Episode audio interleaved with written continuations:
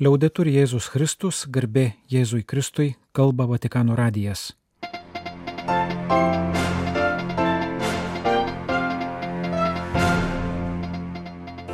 Malonus klausytojai šioje programoje. Kristaus karaliaus iškeliamas viešpatės angelas Šventojo Petro aikštėje. Popiežius taip pat paminėjo sovietinio režimo Ukrainoje įvykdytą genocidą Holodomorą, prašė maldą lydėti jo kelionę į Dubajų, į konferenciją apie klimato kaitą, pasidžiaugė nedidelę pažangą gazoje, sveikinu visus, kurie sekmadienį dalyvavo pasaulinėje jaunimo dienoje viskupijų lygiu. Keli praėjusios savaitės įvykiai Lietuvoje. Kristaus karaliaus iškeliame sekmadieniui skirtas Evangelijos skaitinys mums pasakoja apie paskutinį teismą ir sako, jog būsime teisiami pagal meilės kriterijų pažymima sekmadienio vidudienio maldos susitikime Vatikane. Dėl peršalimo, dėl kurio taip pat atšauktos ankstesnės dienos audiencijos, popiežius Pranciškus viešpatės angelo maldos susitikimai vadovavo ne iš kaip įprasta iš Šventojo Petro aikštę atgrašto lango, bet iš Šventosios Mortos namų, kuriuose gyvena kuplyčios. Dėl tos pačios priežasties trumpą sekmadienio mąstymą perskaitė ne pats popiežius, o vienas jo bendradarbis. Malda buvo tiesiogiai transliuojama per lauko ekranus Šventojo Petro aikštėje, socialinių tinklų ir kitais kanalais. Sekmadienio iškilmės Evangelija priminama mąstymę vaizduoja Jėzų, žmogaus sūnų, sėdinti karališkame soste, o prieš jį visų tautų žmonės.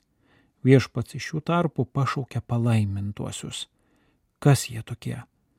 Pagal šio pasaulio kriterijus tai turėtų būti galingieji ir turtingieji, kurie dovanojo jam turtus ir galę, padėjo užkariauti teritorijas, laimėti mūšius, galbūt tapti žurnalų bei socialinių tinklų žvaigžde. Pagal šio pasaulio kriterijus viešpats turėtų jiems pasakyti ačiū, nes su jūsų pagalba esu turtingas ir žinomas, manęs bijo ir man pavydė bet matome, kad pagal paties Jėzaus kriterijus palaimintieji ir jo draugai yra visai kiti. Tie, kurie jam tarnavo, tarnaudami patiems silpniausiems. Žmogaus sunus yra labai skirtingas karalius nuo kitų. Jis tapatinasi su alkanais, ištroškusiais svetimšaliais, ligoniais ir kaliniais. Kiek kartų padarėte gero vienam iš šių mažiausiųjų mano brolių, man padarėte, sako karalius. Toks atidus maisto ir namų stygiui, lygai, taip pat tiems, kurie suklydo ir moka už pasiekmes. Visa tai yra ir mūsų dienų tikrovės. Kristaus karaliaus iškelmės Evangelija sako, kad būsime palaiminti, jei į šias problemas ir į skurdą atsiliepsime mylėdami ir tarnaudami, nenusisukdami į kitą pusę, bet duodami valgyti, atsigerti, aprengdami, aplankydami, priimdami. Trumpai tariant, būdami arti tų, kurie kažko stokoja. Jėzus mūsų karalių save vadina žmogaus sunumi.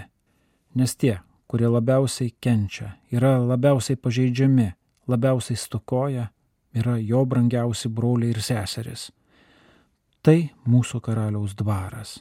Tai gailestingumo atjautos, ir švelnumo stilius, kokiu kviečiami išsiskirti ir jo draugai bei mokiniai, vadinantis jį viešpačiu. Broliai ir seserys, paklauskime savęs, ar tikime, kad tikrasis karališkumas yra gailestingumas? Ar tikime meilės gale? Ar tikime, kad meilė yra karališkiausia žmogaus apraiška ir būtina krikščioniui? Ir galiausiai, ar iš ties esu karaliaus draugas, pirmo asmeniu įsitraukęs į kenčiančių žmonių, kuriuos sutinku savo kelyje, poreikius. Marija, dangaus ir žemės karalienė, padėk mums mylėti Jėzų, mūsų karalių, jo mažiausiuose broliuose ir seserise. Meldžiama Kristaus karaliaus iškelmės vidudienio maldos susitikime Romoje. Ukrainoje Lapkričio 25-ąją paminėtas Holodomoras buvo prieš 90 metų sovietų režimo vykdytas genocidas, dėl kurio milijonai žmonių mirė iš bado, pažymima popiežiaus vadovautame sekmadienio vidudienio maldos susitikime. Ši gelinti žaizda, užuot užgyjusi, tapo dar skaudesnė dėl karo žiaurumo, dėl kurių ši brangi tauta ir toliau kenčia. Nenuilstamai melskėmės už visas konfliktų draskomas tautas, nes malda yra taikos jėga, kuri nutraukia nepykantos spirales, keršto ratą, bei atveria nenuspėjimus susitaikymo kelius, ragina Pranciškus. Lapkričio 26-osios vidudienį popiežius Pranciškus pasidžiaugė nedidelę pažangą gazoje ir prašė maldą lydėti jo kelionę ateinantį savaitgalį Junktinių tautų organizacijos klimato kaitos konferencija COP28 Dubajuje. Popiežius dėkoju Dievui už tai, kad pagaliau tarp Palestinos ir Izraelio paskelbtos paliaubos ir išlaisvinti kai kurie įkaitai. Jis meldė, kad kuo greičiau gazo šeimas pasiektų humanitarinį pagalbą ir kad būtų pabrėžiamas vienintelis tikras taikos užtikrinimo kelias - dialogas. Be karo mūsų pasauliu, ypač ateities kartoms, didelę grėsmę kelia klimato pokyčiai, pražutingi visoms gyvybės formoms, tai priešinga Dievo sumanimui, kuris viską sukūrė dėl gyvenimo. Todėl ateinantį savaitgalį vyksiu į Junktinius Arabų Emiratus ir šeštadienį kalbėsiu Dubajaus COP28 konferencijoje. Dėkoju visiems, kurie lydės šią kelionę malda ir įsipareigojimu priimti širdį mūsų bendrų namų saugojimą, pažymi šventasis tėvas. Priminame, kad Pranciškus lankysis Junktinių Arabų Emiratų sostinėje gruodžio 1-3 dienomis. Gruodžio 2 aukščiausiojo lygio susitikime kreipsis į pasaulio lyderius. Tuo pačiu laiku, kaip ir Junktinių tautų konferencija apie klimatą skirta politikams, šiame sektoriuje dirbantiems mokslininkams ir aktyvistams, Dubajaus ekspozicijų rūmose veiks į platesnę publiką orientuota paroda, pristatanti įvairius žmogaus sąsojų su savaja gyvybinė aplinka aspektus. Joje atidarytas Šventojo sosto paviljonas, kurį popiežius Pranciškus aplankys ir inauguruos gruodžio 3-ąją prieš išvykdamas į Romą. Lapkričio 26-ąją per Kristaus karaliaus iškilmę taip pat minėta pasaulinė jaunimo diena biskupijų lygių, kurios tema buvo Džiaugitės viltyje. Laiminu visus, kurie dalyvavo biskupijų iniciatyvose, pratesančiose pasaulio jaunimo dienas Lisabonoje. Apkabinu jaunulius, pasaulio dabartį ir ateitį ir drąsinu juos būti džiugiais bažnyčios gyvenimo dalyviais iškelmės vidudienio maldos susitikimo proga linkėjo Pranciškus, kuris šiai dienai taip pat paskelbė specialią žinę. Galima priminti, kad pačią Kristaus karaliaus iškelmę įsteigė ir į bažnyčios liturginį kalendorių įrašė popiežius Pijus XI 1925 gruodžio 11 paskelbęs šiai temai skirtą encikliką Kuas Primas jie atsiliepiama ir reaguojama į kai kurias 20-ojo amžiaus pradžios aplinkybės, ypač neapykanta tarp tautų po pirmojo pasaulinio karo arba doktrinas, kurios šiandien jau pasikeitusios ir nebeaktualios.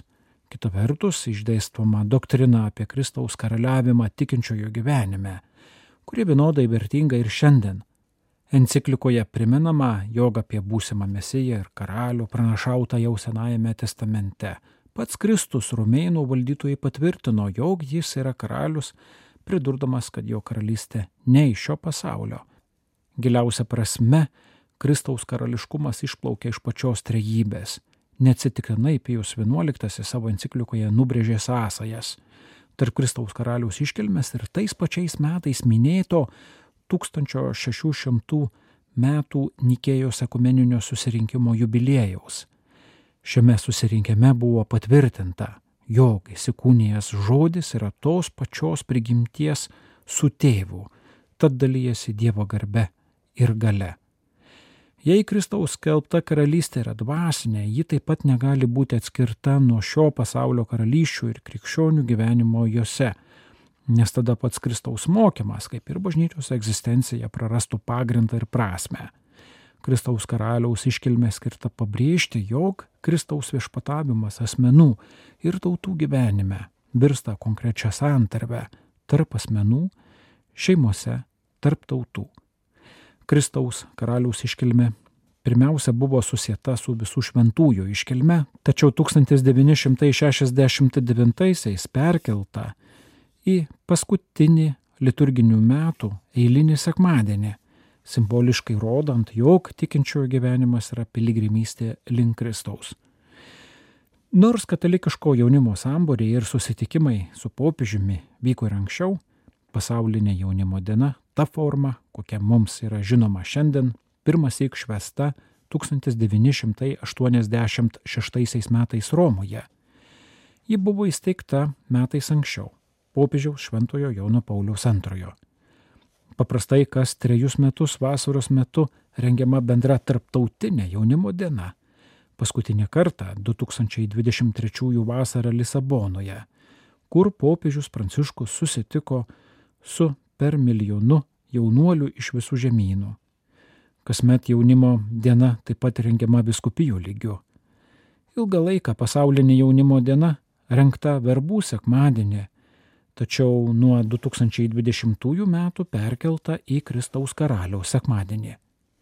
Jaunimo diena leidžia jaunuoliams iš mažų bendruomenių pasijusti didelės, ne vien viskupijos, bet ir pasaulinės bendruomenės dalimi, dalintis tikėjimo džiaugsmu ir jį išreikšti, kartu melstis, šlovinti ir švęsti. Taip ši diena švenčiama ir popiežiaus arba Romos viskupijoje. Kaip nurodyta Romos viskupijos jaunimo silovados centro programoje, sekmadienio ryte prie Šventojo kryžiaus iš Jeruzalės bazilikos susirinkę jaunuoliai patraukia link Šventojo Jono Laterane bazilikos, kuri yra popiežiaus Romos vyskupo katedra. Šios nedidelės piligrimystės priešakyje neštas pasaulinių jaunimo dienų kryžius. Laterano bazilikoje jaunuoliai dalyvavo popiežiaus vikaro Romos miestui kardinolo Angelo de Donatės ir biskupo auxiliaro aukotose mišiose, po to draugiškai, solidariai ir linksmai papitavo aikštėje prie bazilikos, kaip viena didelė šeima. Lapkričio 25-26 dienomis Klaipėdos Marijos taikos karalienės bažnyčia paminėjo svarbę sukaktį - bažnyčios atgavimo 35 metį. Apie jubiliejinius renginius rašoma dienraštyje Klaipėda. Indrės Kiseliovaitės parengtame straipsnėje parapijos klebonas Mindaugas Šlaustas ir bažnyčios referentė Goda Povilaitytė primena, kad paties bažnyčios pastato istorija yra gerokai senesnė. Sovietinė valdžia leidimą statyti naują bažnyčią Klaipėdoje davė dar 1956 metais. Dar po metų buvo pašventintas ir kertinis akmuo. Iš liudijimų žinoma, kad ši bažnyčia per trejus metus buvo pastatyta žmonių meilės dėka, savo rankų darbų būtent klaipėdiečių šeimos labiausiai prie to prisidėjo. Deja, belaukiant bažnyčios konsekracijos, jos statytojams kunigams Bronislavui Burneikiui ir Liudvikui Pavilioniui buvo sukurptos baudžiamosios bylos. Pastatas iš tikinčiųjų buvo atimtas, ji paversta liaudės filharmonija. Tačiau klaipėdiečiai, nepaisydami galimų represijų, tęsė kovą dėl bažnyčios, nuolat rinkdami parašus, kad bažnyčia būtų gražinta. Tikinčiųjų delegacijos net devynis kartus vyko į Maskvą reikalaudamos atitaisyti žmonėms padarytą skriaudą. Antai 1979 metais buvo surinkti net 143 869 parašai. Iš liudijimų yra žinoma, kad net ir atėję pasiklausyti koncertų į liaudės filharmoniją, tikintieji pareikšdavo savo poziciją pirmiausia viešai persižegnodami ir pasimelsdami. Paskutinis koncertas užgrobtos bažnyčios patalpose buvo surinktas 1988 m. lapkričio 24. -ąją o jau lapkričio 25-ąją toje pačioje salėje kunigas Bronislavas Burneikis aukojo pirmasias mišes. Bažnyčios atgavimo jubiliejaus proga Klaipados Marijos taikos karalienės parapijos klebonas Mindaugas Šlaustas išreiškė viltį išleisti leidinį, kuriame kartu su istorinėmis fotografijomis būtų surašyti ir visi žmonių liudijimai bei prisiminimai. Lietuvos spaudoje nedažnai aptinkame išsamesnių komentarų apie visuotinės katalikų bažnyčios aktualijas. Skaitytojai tokių straipsnių gali surasti naujienų portale LRT LT. Jų autorius filosofas Povilas Aleksandраvičius lapkričio 26 dieną paskelbė straipsnį apie popiežiaus Pranciškaus sprendimą atleisti iš pareigų Teksaso vyskupą Josefą Striklandą, šiam atsisakius pačiam pasitraukti. Toks, pasak Povilo Aleksandраvičiaus, itin retas reiškinys katalikų bažnyčioje sukėlė daug atgarsių katalikiškoje pasaulio žiniasklaidoje, bei svarstymų apie vis labiau juntamą susipriešinimą katalikų bažnyčioje tarptų, kurie aktyviai dalyvauja šiuo metu vykstančiame visuotinėme sinode, galbūt iš esmės reformuosiančiame bažnyčios gyvenimą, ir tų, kurie sinode aptariamas reformas laiko ereziją ir piktosios dvasios darbu. Apžvelgęs minėto įvykio priešistorę, Povilas Aleksandраvičius komentarą baigia apibendrindamas, kad jo paties požiūrių popiežiaus pranciškus yra nepalyginamai arčiau Evangelijos tiesos nei tie vyskupai, kurie kaip amžinai į Dievo žodį kartoja XIX amžiuje suformuoluotas tiesas sunkiai atpažįstamas Evangelijose ir yra lyg užhipnotizuoti moderniaisiais laikais sukurtos liturgijos. Tačiau lemiamas straipsnio autoriui yra kitas motyvas. Pernelyg gerai pažįstu konservatyvėją bažnyčią iš vidaus, kaip tik tą, kuriai atstovauja vyskupas Triklandas. Jos reali psichologinė, moralinė, dvasinė būklė skiriasi nuo to, ką ji propaguoja viešai. Jai būdingas skilimas tarp to, ką jis kelbia ir to, kas ji yra.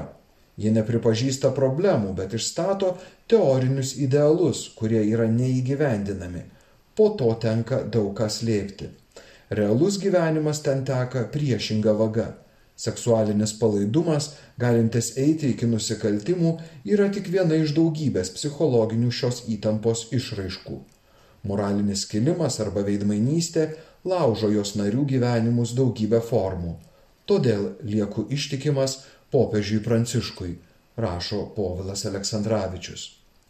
Dzukijos naujienų portalas Alitaus gidas LT šią savaitę pasidalijo Alitaus Šventojo Kazimiero parapijos informaciją apie piligriminę alitiškių kelionę į Italiją ir neeilinį susitikimą Asyžiuje. Šios kelionės tikslas buvo padėkoti Dievui už palaimintą į Karolį Akutį, prie kurio pirmo laipsnio relikvijos galima pasimelsti Alitaus Šventojo Kazimiero parapijos bažnyčioje. Klebono Ryčio Baltrušaičio vadovaujamiems piligrimams ypatinga diena tapo lapkričio 14. Atšventę Eucharistiją Syžiaus rūbo atidavimo šventovėje, kurioje saugoma palaimintojo Karolio Akučio kūno relikvija, jie neplanuotai susitiko palaimintojo Karolio Akučio mamą Šventojo Rufino katedroje. Piligrimams iš Alitaus jie išsakė liudijimą ir kvietimą, kad, sekant jo sunaus pavyzdžių, Eucharistija taptų kiekvieno iš jų gyvenimo centru. Šį susitikimą kunigas Rytis Baltrušaitis prilygino dangaus bučiniui. Gedrius Tamaševičius, Vatikano radijui iš Vilniaus.